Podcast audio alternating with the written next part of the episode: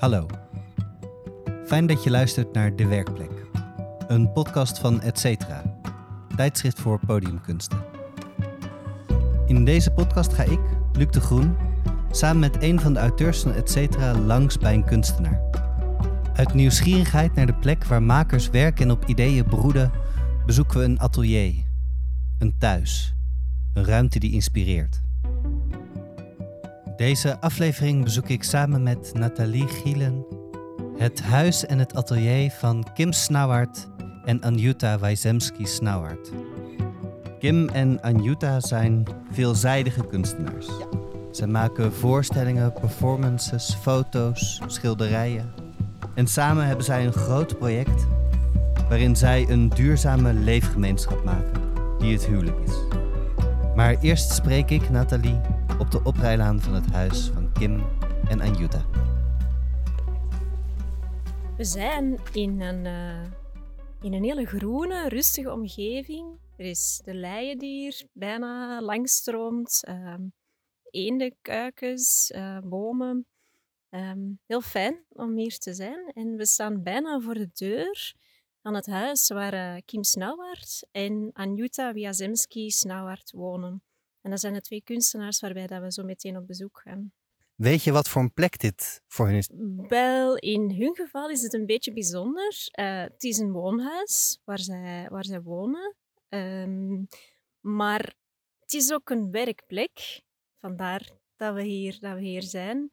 Um, Kim en Anjuta wonen hier al, denk ik, sinds 2018. Al sinds enkele jaren wonen ze hier samen. Um, en wat ze hier doen, is een duurzame levensgemeenschap uh, starten.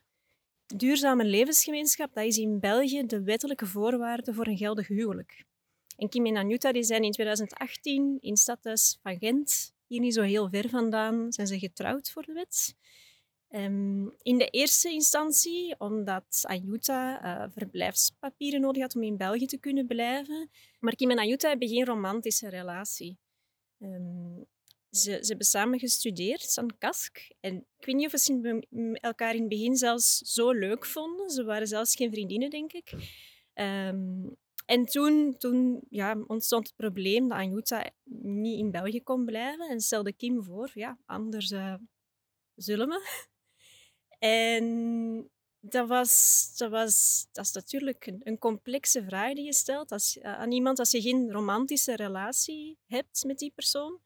Um, maar ze besloten er een artistiek project van te maken.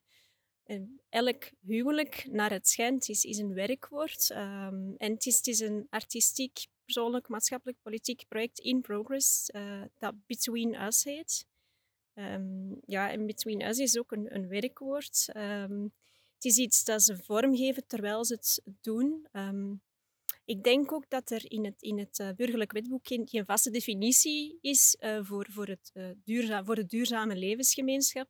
Dus echt een concept dat zij vormgeven en ontwikkelen in, in, in between us. Um, dus daarom dat ik zo nieuwsgierig ben om, ja, om hem thuis te bezoeken en zo te voelen, wat, ja, wat is het om, om een artistiek project samen te hebben, maar ook housemates te zijn.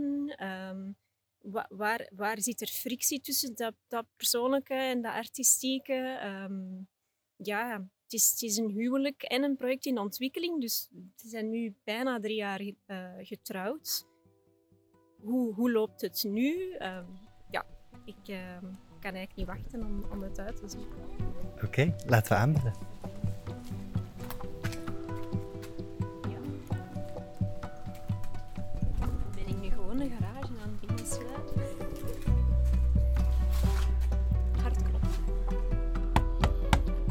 Voordat we het gesprek ingaan, krijgen we van Kim en Anjuta nog een rondleiding door het huis.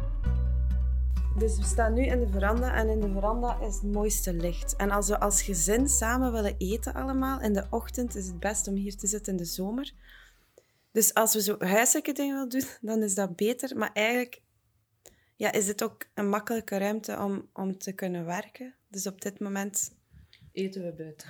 Ja. Voor het ontbijt. Of toch in de iets donkerdere kamer, omdat het werk blijkbaar voorrang krijgt. Uh, dus er staat een roze tafel, een hele grote, uh, waar nu Anjuta eigenlijk meest werkt. En dan staat er ook nog zo'n kikkertafel voor de kinderen. En dan mijn atelier in de zomer. Omdat in de zomer kan je hier alle ruiten openzetten en het licht komt hier goed binnen, tot laat ook. En het is een beetje afgescheiden van, van de living. Dus als ik mijn koptelefoon opzet, dan ben ik zo goed als alleen in mijn hoofd. En dan schilder ik hier. Maar in de winter schilder ik op mijn kamer, omdat deze ruimte te koud is. Ehm, En er staan ook panelen van een, eh, een werk en woording. Ehm, One should not nail a carpet to the wall. It might cause a row in the family. Eh, It might cause a family row. Ja. En dat is een werk die is, is ontstaan terwijl dat we dat werk in de Red Star Line aan het maken waren. En eh, omdat we toen een, een familiediscussie kregen met ons zo- twee. Een, een van de weinige discussies dat we gehad hadden, die redelijk geëscaleerd heeft. Kim zei van, eh, ik wil heel graag zo... In die, in die, in die Sovjet-appartementen heb je zo vaak mensen die eh, tapijt op een heel drukke behangpatroon hangen. En voor mij is het echt een trauma. Dat is, dat is zo'n oma's huis. Het is totaal niet mooi. Dat is zo mauvais ton. En zij zei van, ik wil dat graag doen. En, en ze probeerde me nog te overtuigen. En ik zei, nee. Als, als jij dat doet, gaan we scheiden. Ja, en dan lazen we ergens dat dus eigenlijk die tapijten in Rusland worden... Of in de Sovjet vroeger... Maar ik weet dat dat zo is. Het is bij mijn ouders ook zo. Nee, nee, maar dat dat met nagels wordt tegen de muur hangen of met een bepaald systeem. Omdat, en dat moet echt zo, want als het anders wordt gedaan, dan kan het familieruzie creëren. Check. Ja, dus ze dachten, het is heel fijn om... Maar dat werken ze nog niet af en het werkt ook niet op zich nu. Dus we zijn er nog niet mee klaar. Dus we hebben een primeur. Ja.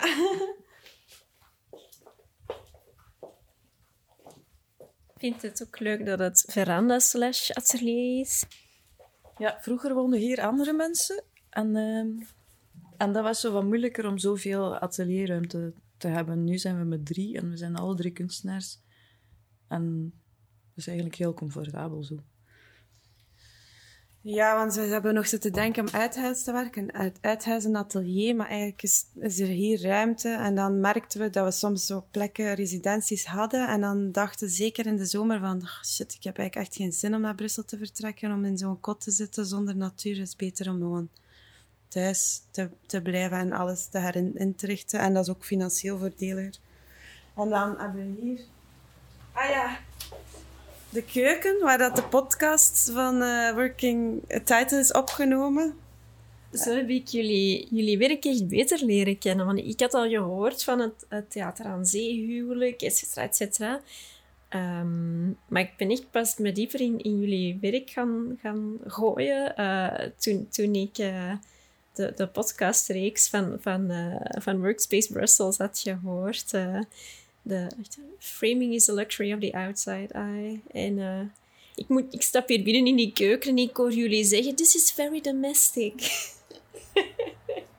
maar het is hilarisch om zo de huistuin en keukengesprekken te horen en dan ook in het huis, de tuin en de keuken te staan. Ik vond het een hele mooie podcast. Ik vond het grappig. Eh, daar hou ik van als er humor in dingen zit. Maar ik vond het ook super ontroerend. Ja, dat vind ik interessant in jullie werk. Hoe dat jullie het over, over maatschappelijke normen en, en waarden hebben en die deconstrueren, fileren, eh, om het in keukenterminologie te zeggen. Dat jullie het hadden over, ja, wanneer moet je eigenlijk huilen op een begrafenis en, en, en wanneer niet. Ik vond dat super herkenbaar. Maar ja, en, en zo zijn er nog heel veel dingen die, die resoneerden uit die, uit die podcast. Dus, Ja. dus ook het werk waarin het duidelijkst dat idee van ons duurzame levensgemeenschap, of wat dat wij daarvan proberen maken, ehm, naar voren komt. Ja. Want daar vroeg ik mij ook bij af. Zijn dat, waren dat allemaal spontane gesprekken of waren die gescript? Nee, die waren heel spontaan. Ja, het enige dat gescript was, was dat we er één hadden gemaakt waarin dat Anita die koriander voor mij aan, het, mij aan tonen is, zodat je zoiets bewaart. En toen dachten we, dat werkt gewoon heel goed. Dat we ook echt iets aan het doen zijn. Want dat stuurt het gesprek, maar ook niet helemaal. En dat, dat gecombineerd met dingen die aan de hand waren. Mijn schoonvader was gestorven, of mijn dochter had net een lief. En, of zo, dus dat... Ja. Vond daar ook gewoon een hele mooie kwetsbaarheid in zitten. Daarom dat ik me dat ook afvroeg van ja, wat is er fictie, wat is er realiteit, gescript, niet gescript, omdat je ook hele persoonlijke dingen vertelde. Wel, je kunt niet zeggen dat het de bedoeling was, maar uh, ik was niet verbaasd dat het organisch gewoon heel erg klopte. Zo dat je doet iets en je hebt een gesprek en je weet niet eens waarover dat gesprek zal gaan. En dan ga je van één topic naar een andere topic en je komt dan terug bij de eerste en het klopt gewoon. En dat is uh, vaak zo als we samenwerken. Hier heb je de, het uh, waskot slash stockageruimte voor ons materiaal. Benzengrief. Waskot slash stockageruimte vind ik wel een goeie. Ja, dat is eigenlijk bijna heel een scenografie in die doos. Uh, van ons voorstelling. En dit ook nog. Um, dat is ons, de cover van het bed, die we gebruiken voor de Female Russian. En daar zijn de truijurken? De truijurken ja, liggen hier. Niet mooi opgehangen, maar zo wat in een kastje gepropt. Dat zijn de kleren van ons voorstelling, maar niet allemaal, want sommige dragen we af en toe. Um, dus jullie dragen jullie kostuums ook gewoon in het dagelijkse leven al wel eens? Het kostuum dat we gebruiken eigenlijk niet, of zo weinig mogelijk. Ik doe soms al die broek aan, maar dat mag eigenlijk niet. Dus um, dat is ook iets van ons voorstelling dat we dan uiteindelijk niet gebruiken. Hè? Ja, denk ik. En dan, en dan mijn, tussen mijn kind daar drone die hier ligt. En dan hier ja, heb je de was. Um, ah. Uh, ja. En daar ligt ook jullie publicatie, dat ja. bij jullie voorstelling hoort. Ook van Proust, van de Female Russian Immigrant. En dat is politiedossier. Uh, en dat zijn de verpakkingen van, de, van dat nieuwwerk die in de veranda staat. Uh, wat is er nog? Ja, en van alles eigenlijk. Een beetje door elkaar. Um, en dan... Trap.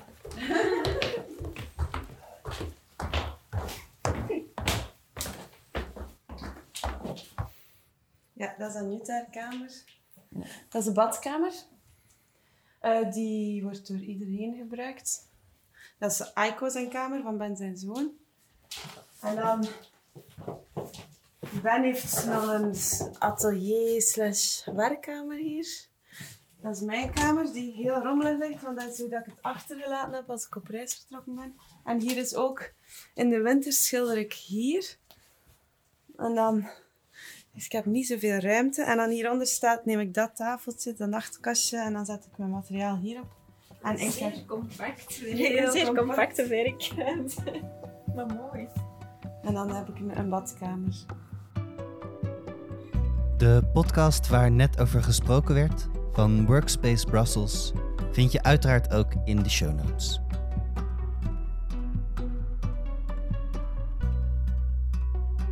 Was net aan het rondkijken of ik jullie huwelijksfoto's hier ergens zag hangen. En dan zag ik die hangen op het toilet. Naast foto's van, van, uh, van kunstwerken. En ik vond het hilarisch, omdat het, het wel iets zegt over de status van jullie huwelijk. Die is alledaags en niet alledaags uh, tegelijkertijd. Dus het toilet wel, denk ik, een hyper alledaagse context. maar... Uh, ja, ik uh, ben benieuwd. Hebben jullie zoals typische gehuwde um, nog zaken in huis die, die doen denken aan, aan, aan, jullie, aan jullie huwelijk? Ja, huwelijksgelofte, documenten. Of iets dat jullie ergens apart op een, op een werkplek bewaren? Ah nee, eigenlijk is alles wat wij, zelfs in onze voorstelling, onze scenografie is eigenlijk zijn echt allemaal materialen uit ons huis. Of soms kopen we materialen aan voor een tentoonstelling, maar die gebruiken we dan in huis. We maken ook, hebben we opgemerkt, heel vaak heel huiselijk getint werk. dat is toch waar, hè? Mm -hmm. uh, bijvoorbeeld, Anita wees daarnet naar uh, dat, die bloemen aan de muur. En dat zijn ons, ons bloemen die we zo gegooid hebben ah, okay. uh, op ons trouw. En het was toenmalige vriend van Kim die het gevangen heeft. Ja, het was mijn toenmalig lief.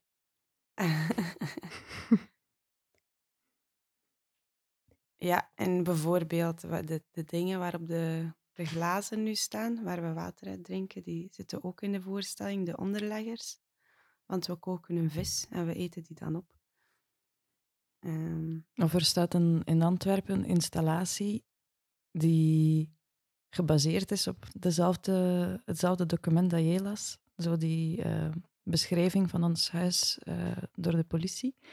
En één paragraaf daarvan is beschrijving van de slaapkamer. En het is eigenlijk, die installatie in Antwerpen is de nagebouwde slaapkamer, waar het echte bed eh, staat, wa- waarop ik normaal slaap, maar nu heb ik een ander bed. En het grappige is dat ze alle twee rond zijn. ja, Eh, en onze huwelijksfoto's hangen in die slaapkamer ook uit van Chris de Witte. Die, dat is eigenlijk de poster van onze voorstelling. Eh, maar dat zijn zo typische huwelijksfoto's aan zich. Ah, typisch zou ik het niet noemen, want Chris heeft daar iets, iets tofs van gemaakt. Ehm, maar ook ons, er liggen veel kleren daar, bijvoorbeeld, al een jaar. Dus we Maar- waren er onlangs naartoe en ik dacht, ah, daar is mijn zonnebril. En die bril heb ik al lang gemist. ja, ja, en de strijkijzer. En ons strijkijzer waren we al heel lang kwijt. Dus dat is een hele letterlijke uitwisseling van, van persoonlijk en artistiek. Dat gaat de tentoonstelling in het Red Star Line Museum, neem Mhm. ik aan. hè? Ja, Research gedaan. Ik heb ze wel nog niet bekeken. Loopt ze nog? Ja, volgens mij is het tot eh, 25 september. Alright. Dus je hebt nog kans. Echte bed waarop kunstenares Anjuta Wiazemski slaapt te bekijken. Wajemski Snauwaard. Dat is Belangrijk. inderdaad een belangrijke correctie. En is dat een bewuste keuze, een, een rond bed? Bed dat eigenlijk geen typische linker- of rechterkant heeft dan? Ja, ja, heel bewust. Maar wil jij dat vertellen? Eh, ja, dat is goed. Wel, wij hadden eh, onderzoek of, of informatie gezocht van wat dat zo inhoudt, een, een, ehm, een huisbeschrijving of een huisbezoek door de politie. Want wij wisten, als wij zouden huwen op die manier, dat de kans dat er politie zou betrokken worden of huiszoekingen zouden komen heel groot was. En een van de dingen die we hadden gevonden van verhalen van mensen is dat de politie binnenkomt Ehm, en dan vraagt wie aan welke kant van het bed slaapt. Dus wij dachten, als wij een rond bed kopen, dan kunnen ze dat niet vragen. Dus dat vonden wij al iets grappigs. Dus dan hebben we een rond bed gekocht. En dan is de politie ook echt gekomen. En ze vroegen het niet, wat ik jammer vond, want ik dacht, ja, dat staat daar nu wel daarvoor. Dus dan zei ik dat ook tegen die man, van ja, we hebben speciaal nu een rond bed gekocht, omdat we gehoord hadden... dat, omdat ik dacht, die schrijft alles op. Maar ik weet niet of ik het zo bewust gedaan heb of ook zo'n beetje uitdagen, maar nu staat dat wel in dat dossier. Daar zijn we wel heel blij mee, dat, dat, dat hij dat ook gequoteerd heeft van mij. En dat dossier staat ook in Antwerpen, hangt ook uit naast onze installatie, dus dat is ook een mooie referentie met de inhoud en het beeld.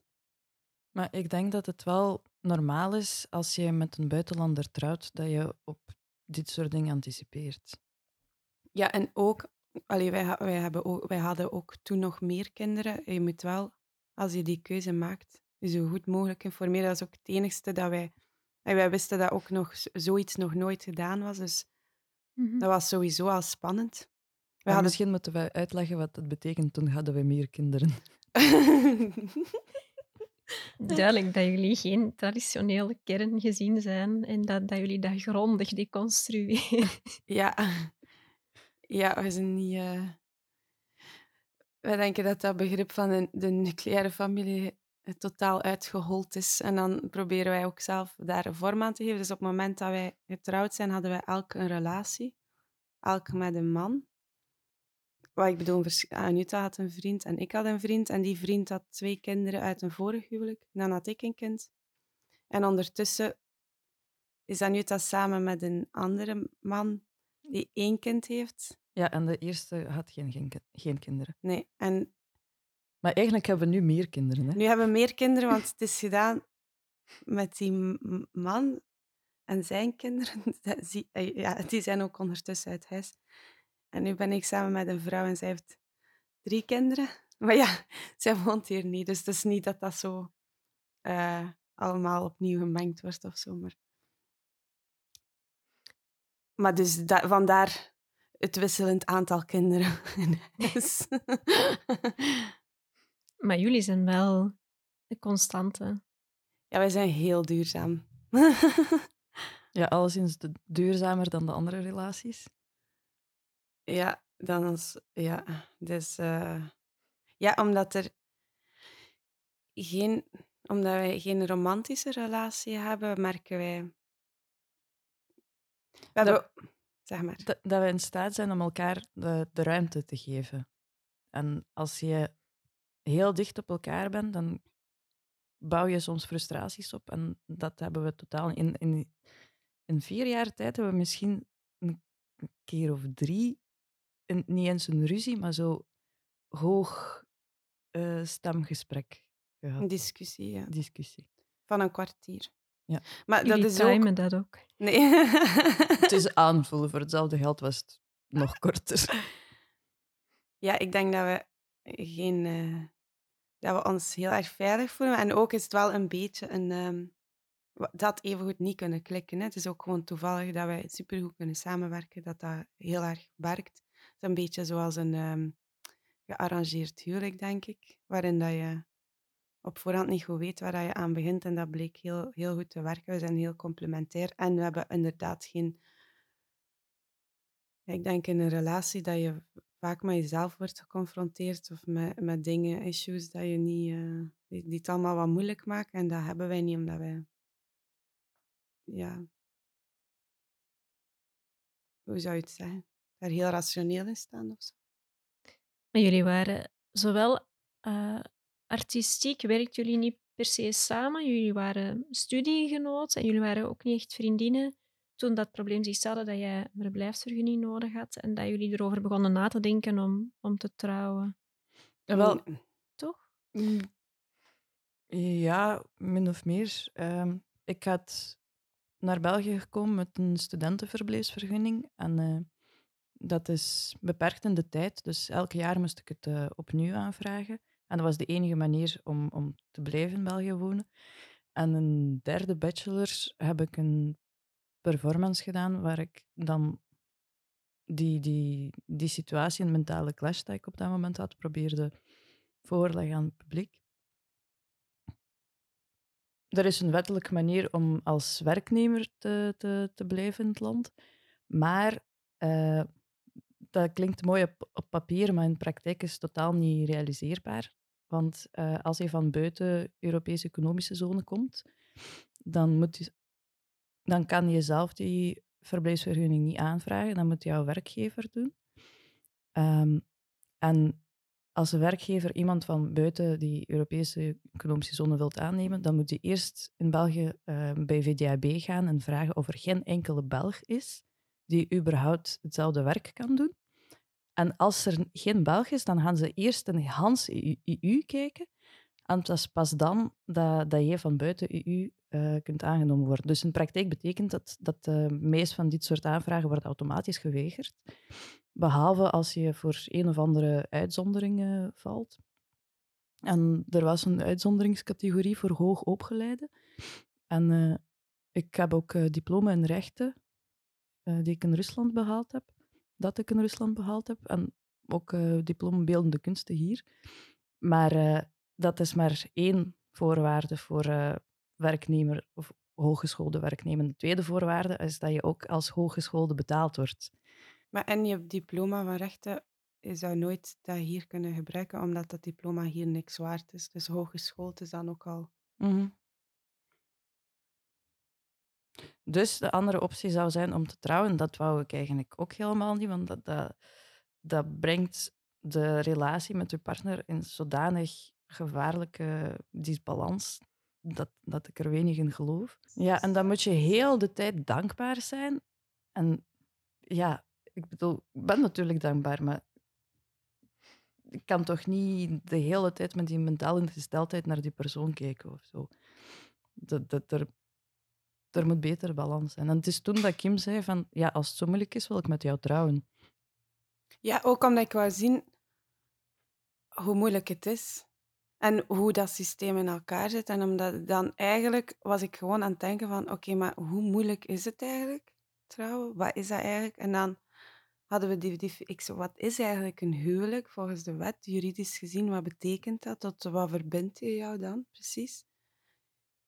En toen uh, vonden we een definitie in het wetboek die zei: een, een, het is de creatie of de, het in stand houden van een duurzame levensgemeenschap. En toen dacht ik: ja, maar wat, wat is een duurzame levensgemeenschap dan volgens dat wetboek? En daar, vond ik, daar vonden we niet zo heel veel antwoorden op. Er stond wel in een aantal regels waar, wat, wat je dan moet doen of niet moet doen. Maar de, echte definitie, die, die vond ik daar niet. Dus dan zijn we gaan kijken breder in, in verschillende uh, disciplines, zoals bijvoorbeeld in de ecologie en de biologie en de sociologie, of dat daar ja, duurzaam voor lange duur dus. En gemeenschap. En een van die definities die ik toen online vond, was uh, verschillende soorten die vreedzaam samenleven. En ik dacht, ja, dit is echt het begin van een soort van concept. Want dat is zo mooi. En, dat, en als dat is wat het huwelijk betekent in dit soort politiek klimaat, of, of ook gewoon ethisch discours, of, of als maatschappij, waar ben je mee bezig, waar ga je naartoe, waar, hoe draag je bij? Um, daar zijn we dan allemaal over beginnen nadenken.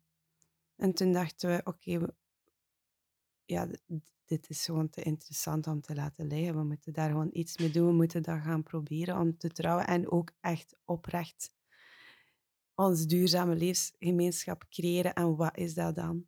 Voor onszelf, voor onze kinderen, maar ook breder voor um, welk, op welke manier engageer je jou tot de maatschappij? Um, en hoe, in welk soort klimaat breng je kinderen groot of zo. Maar nu klinkt dat alsof dat is totaal voor ons niet een soort politiek idee geweest, maar veel meer een soort um, een, een, ethisch discours waar we ons hebben ingeschreven, wat dat ook heel duidelijk is in de titel van ons werk, dat noemt Tussen ons. En dat refereert naar een boek van Levinas, die heel erg bezig is met wat is de verantwoordelijkheid tot de ander. Wat is naaste liefde, wat is liefde? En um, hoe creëer je die gemeenschap? En, en een gemeenschap die ervan uitgaat van een totale andersheid van de ander. Kon ik het nog maar recent, toen ik research deed, ah ja, Between Us, entre nous. En toen zag ik de boekcover van, van Levina ergens op jullie social media verschijnen. En dan vond ik het extra mooi, omdat dat inderdaad ja, de ander altijd met een hoofdletter betitelt, als een soort ongrijpbaar, onkenbaar iemand. Ehm, die wel een appel doet op, op verantwoordelijkheid van jou als ook weer ander dan. Ehm, dus dat, dat, ja, ik begrijp het helemaal, de titel Between Us. En ook omdat het, ja, omdat het net eigenlijk dat machtsonevenwicht aankaart. Van ja, er is een soort gelijkwaardige relatie, er is een soort verantwoordelijkheid ten opzichte van iemand anders, zonder dat dat een heersen over um, of een, of een objectief. Eigenlijk is het anti-objectivering. Maar het is eigenlijk niet de. Ik denk dat er tussen ons totaal geen machtsverhouding is, omdat wij net die radicale andersheid waar Levinas over spreekt, gaat eigenlijk ook over de heterogene maatschappij en hoe behoud je die andersheid en het belang van dat verschil, in plaats van de hele tijd een soort van gemeenschappelijk iets te vinden totdat je alles plat bombardeert tot hetzelfde. En dat is wat wij heel erg doen, denk ik. En ik denk dat de meerwaarde van onze relatie dat ook heel erg toont. En een complementariteit kan enkel maar ontstaan doordat het verschil blijft. Als je graag naar deze podcast luistert, dan kan ik je ook van harte de geschreven artikelen van Etcetera aanraden. En bij deze aflevering zou ik een essay van Rudy Laarmans, genaamd Fantoompijnen, over politiek en theater, dat hij in 2020 voor Etcetera schreef, willen tippen. In dit essay wordt prachtig gereflecteerd en geïnventariseerd op de vraag wat politiek theater is.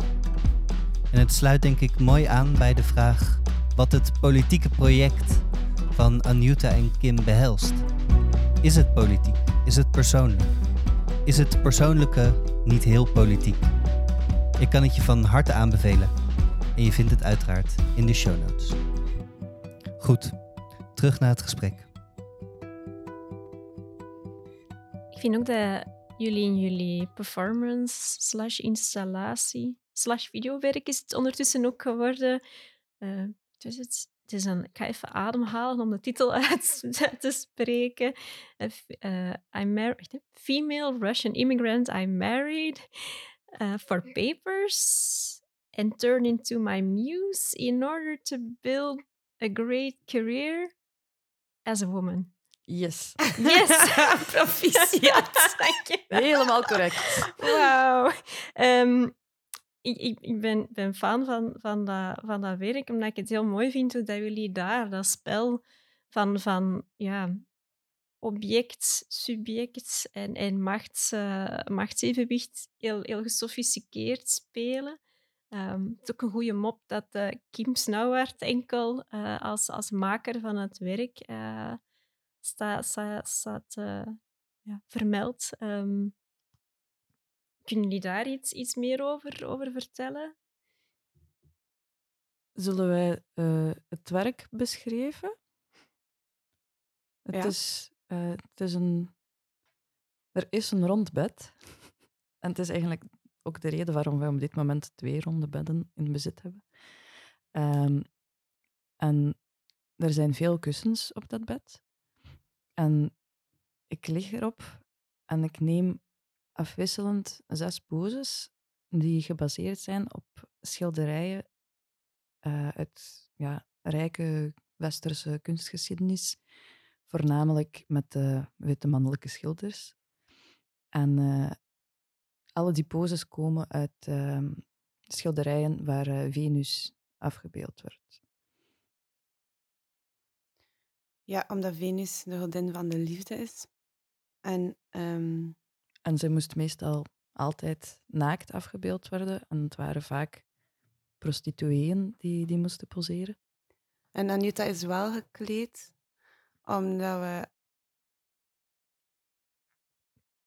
in dit, in, in, in de situatie, of, of het, of het, mm, hoe zou je dat zeggen?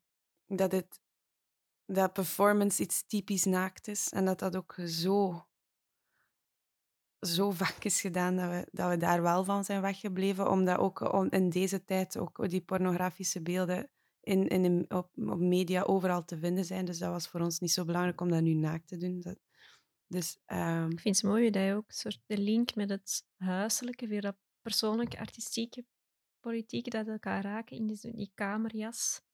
Zou je, voor mij riep het zo helemaal in het begin, toen ik de video zag, of de foto's zag, het beeld op van uh, luie zondag.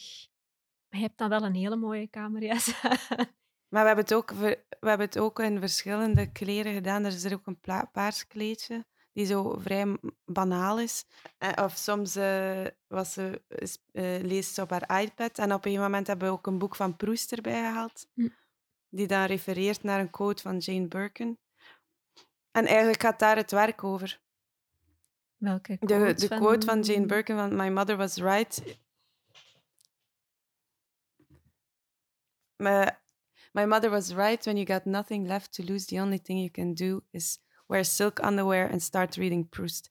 En dat is ook zo die situatie dat, waar dat normaal gezien, als Anita met een man was getrouwd geweest, kom je automatisch als vrouw, of heel veel vrouwen die willen migreren, komen in zo'n situatie terecht waarbij dat ze een oudere,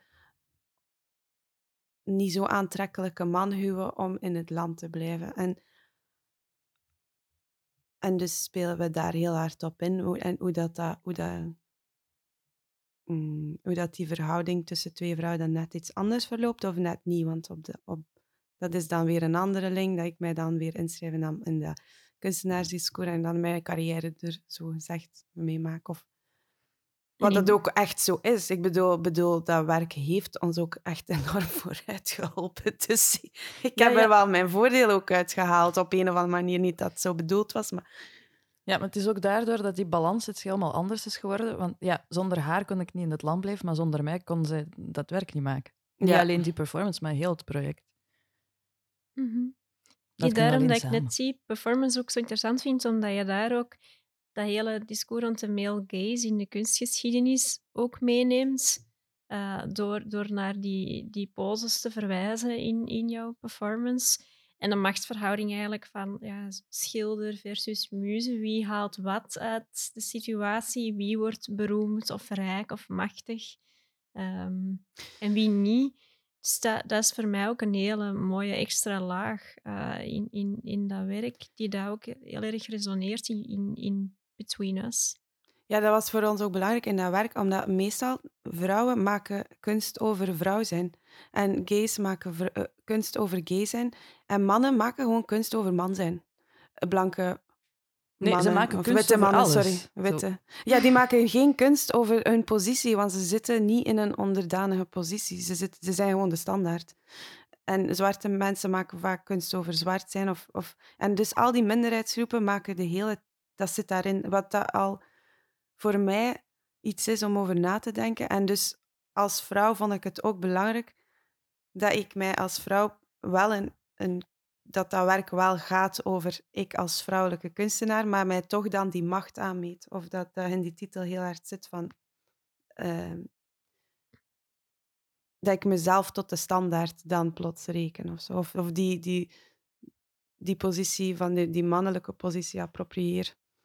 Ja, en tegelijkertijd ook een zeker bewustzijn van, van, een, Ja. ja. van de eigen privileges, van een machtspositie. Zo helemaal in het begin, denk tot ongeveer dat, dat, dat Female Russian Immigrant Performance, waren wij alleen maar samen als wij aan het project bezig waren. En voor de rest, eh, eigenlijk hadden we niet... Dat is niet waar, hè, liefje? We waren al samen aan het wonen. Ja, ja, ja. Maar eh, wij zagen elkaar vooral als we op residentie gingen. En dan praten wij over heel veel dingen. En zo, eh, zo'n ding, gelijk eh, s ochtends vroeg in de keuken samen zitten en over het leven praten, dat deden we toen niet. En Nee? het is... Ja, wij, wij spraken met elkaar over eh, huwelijksdingen, alleen in een context waarin wij aan het project werkten. En maar het is ondertussen echt heel lang geleden. En nu is naar een andere dynamiek geëvolueerd, waar, waar totaal geen onderscheid niet meer is van eh, het is nu het project, dus wij doen dat. Nee, ja, dat is echt ons huwelijk. Allee, onze relatie. Hm. En wij werken gewoon als collega's samen. Allee.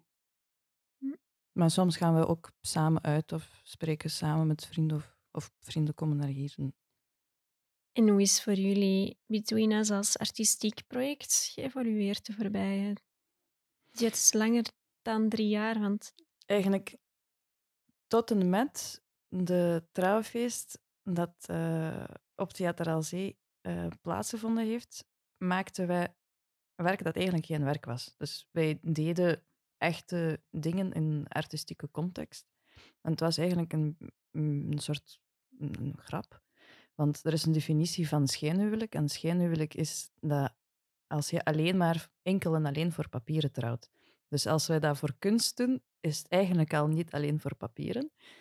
En dat was dan net interessant om die fragiliteit te onderzoeken van wat, wat is kunst als je gewoon een aanzoek doet in een galerij en je vraagt je vrienden om dat te filmen. Het is wel een echte aanzoek, maar wat, wat is er kunst aan, behalve dat je zegt dat het kunst is. En na Theater aan Zee waren wij dan aangeklaagd en dat was heel dat onderzoek met de politie. En eh, de, de procureur de, des Konings heeft besloten dat het waarschijnlijk is dat wij inderdaad duurzame levensgemeenschap gesticht eh, hebben en dat wij de, erop ingesteld zijn om het in stand te houden. En op dat moment was het niet meer interessant om ja, werk dat geen werk is in een artistieke context te plaatsen. En dan zijn we begonnen echt werken maken, gelijk dat performance. Maar telkens als we zo'n apart werk maakten, moesten we een presentatie doen van soms een half uur, drie kwartier, om heel dat context te schetsen waarover, waarover uh, dat specifiek werk gaat of wa wa waaruit het ontstaan is. En op een duur werd het ook heel saai om elke keer een presentatie te geven met slides. En dan zijn we eigenlijk bij het medium van theater gekomen, waarin het mogelijk was om heel de context eigenlijk als werk te, te verwerken, te presenteren. Voilà. En in de toekomst hebben we nu ook gedacht, oké, er zijn nog een aantal dingen die we echt willen afwerken. Zoals dat we in het begin al uh, heel traditioneel die rituelen doorgingen, zoals een huwelijksaanzoek en dan um, bijvoorbeeld ons trouwfeest.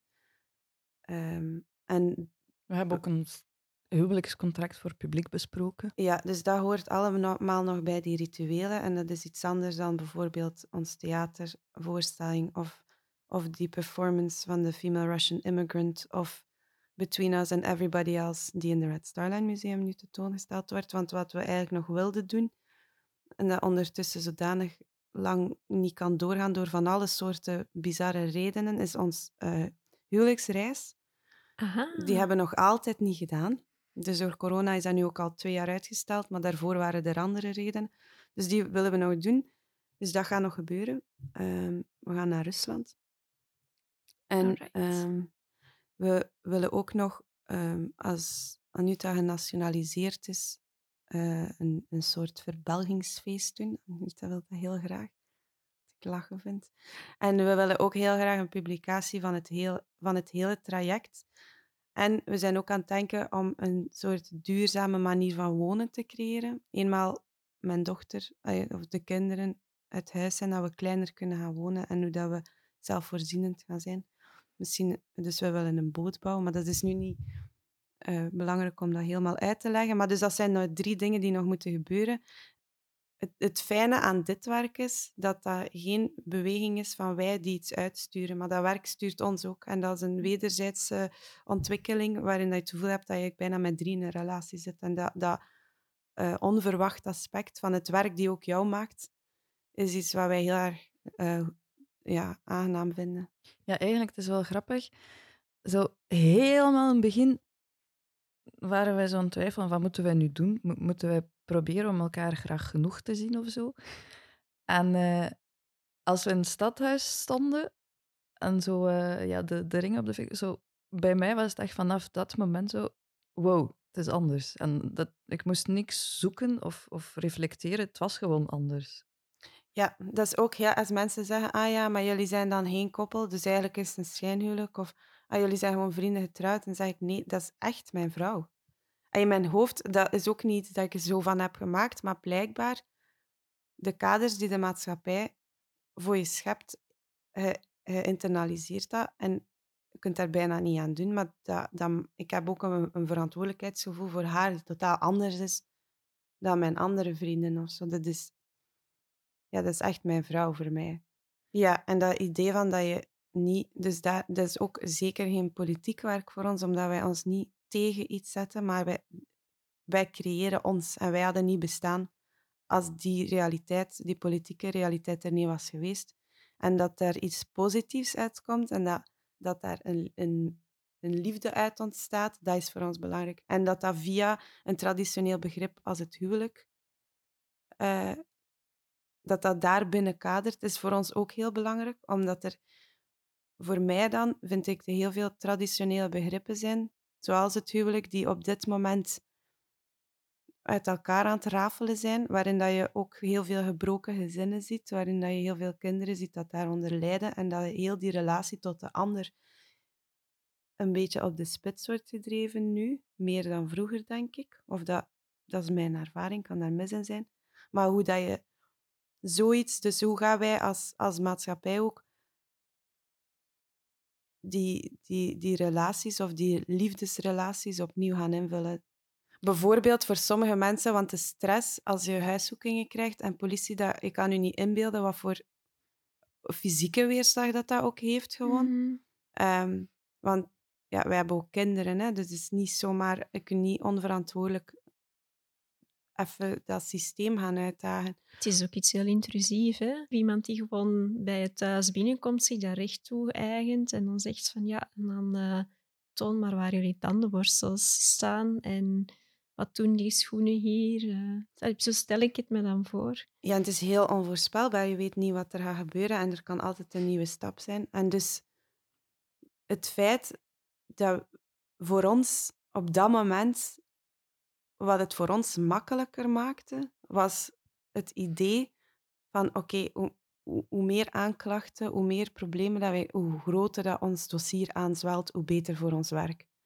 Dus dat hadden wij nog. Maar, ja, maar je moet je inbeelden dat mensen die dat niet hebben en niet zoals ons in een artistieke context. Maar het is ook echt niet zo dat wij daar gelukkig uh, op het moment zelf, het is, het is meer achteraf. Ja. Maar zo, wij hadden die, die brief vrijdag gekregen of zo, dat wij dringend uh, op uh, ondervraging moeten naar, naar de politie.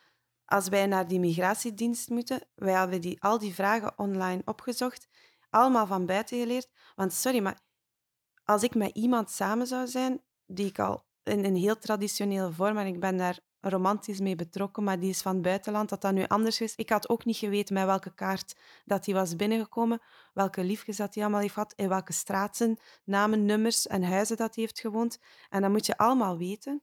De ouders, de vrienden van de ouders. De, dus dat zijn dingen die gewoon niet... Die vragen zijn niet niet elk koppel kent elkaar ik op die manier. Ik zou sowieso falen. Moest ik een interview over mij en mijn lief moeten, ja. moeten doen. Dat zou wel een grappig werk zijn om zo gewoon... Uh, Al die vragen te stellen aan, aan koppels die samen zijn. Want ja. je weet, het, die vragen zijn... Allee... Zeg, het is een project. en we hebben toen ook een soort scenario geschreven van dat in 86 begint, toen, toen Kim geboren is. Ik ben van 89. En zo jaar per jaar, en uh, hoe, hoe later, hoe, hoe gedetailleerder, soms maand per maand, wat er op welk moment gebeurd is. Ja, en dan hebben we dat bestudeerd bij elkaar. Om, dus we kennen elkaar heel goed. Ondertussen zijn we ook al veel vergeten terug. Dat ik ook ergens las dat jullie zeiden van ja, wij, wij cureren ons huwelijk. Ja, en cureren, dat komt eigenlijk van ja, betekenis waarin, waarin wij dat lezen in een artistieke context. Iets artistiek samenstellen en ons luiten naar, naar, naar een publiek toe. Um, maar het komt ook van zorgen, etymologisch gezien. Dus daarom dat ik dat een hele mooie ja, ver, verwoording vond. En ook omdat jullie, dat het zowel het artistiek als het, als het zorgende uh, um, omvat. Um, dat heeft kunstwetenschappen gedaan. Maar ik denk ook dat dat wel bij ons veel beïnvloed heeft of zo. Want ik denk ook, maar misschien breid ik dan nu te veel uit. Wat ik, ja, in mijn minoritiek zeg de, bijvoorbeeld man-vrouw hebben vaak, een vrouw vertrekt vaak van een zorgethiek en een man vertrekt vaak van een rechtvaardigheidsethiek. En dat is wat ik bijvoorbeeld in mijn vorige relaties met mannen super moeilijk vond, omdat ik ook die rechtvaardigheidsethiek hanteerde en dat dat heel veel botste. En ik denk bij ons, ik denk dat sowieso Anita een superzorgend persoon is, dat dat iets is dat uit ons persoonlijk vertrekt, die zorgethiek. Maar dat dat ook komt door, door een, een soort theoretisch discours dat we rond ons huwelijk hebben gebouwd en dat daar is waar we voor staan of voor willen staan. En dat dat ook gewoon onze relatie ingeslopen is of zo. Mm. Toch, want bijvoorbeeld, wij zijn Jij zei ook gewoon niet zo'n persoon. Hij zei niet iemand die zo. Mm, zij gaan nooit commentaar of een oordeel of zo hebben. En altijd als er iets is, of ik heb iets misgedaan, dan dat, dat is wel, hè. Dan ben je altijd de eerste om... Dat is dan ons probleem. Dat wordt nooit, ik word daar nooit mee lastiggevallen dat dat iets is wat ik heb misgedaan. Dat heeft ze nog nooit gezegd. Maar, dat is wel, hè. Jawel, dat is echt wel. Je hebt geen commentaar op mij. Dan... Ah, maar je had gewoon dat berichtje misschien niet gekregen.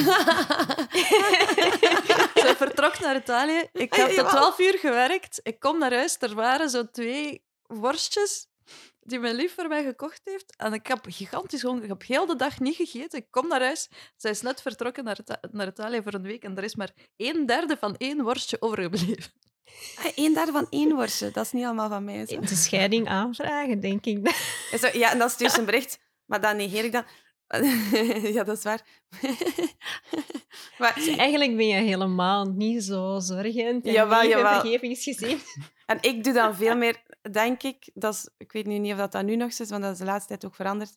Maar voor mij is dat een soort evenwicht. Ah, oké, ik kuis meer, maar nu ook. Dat is ook al wat. Maar in het begin had ik zo, oké, ik kuis meer, dus ik eet soms iets van u op. Dus een soort Ah, van zo evenwicht. ja, zo werk ik. Ik ga, Ik dat, ik ga dat meenemen. Dus eh, ja, daar daar word ik niet in ondersteund in dat aspect. Oké, dan pak ik daar wel en dan is er een evenwicht. Zo, zo was mijn logica. Ja, Heel het is goed om te weten Ja. Maar- dat er logica was. ja, dat is wel ik echt dacht dat je gewoon dingen pakt. Nee, nee. Voor mij is dat rechtvaardig iets. Je luisterde naar De Werkplek. Een podcast van Etcetera, tijdschrift voor podiumkunsten. Muziek die je hoorde is van Pablo Casella. Logo is gemaakt door Bart Herweg. Je vindt de artikelen van Etcetera in print of op de website e-cetera.be. Volg ons op Instagram en Facebook om altijd op de hoogte te zijn van het laatste nieuws. Mijn naam is Luc de Groen. Bedankt voor het luisteren en tot de volgende keer.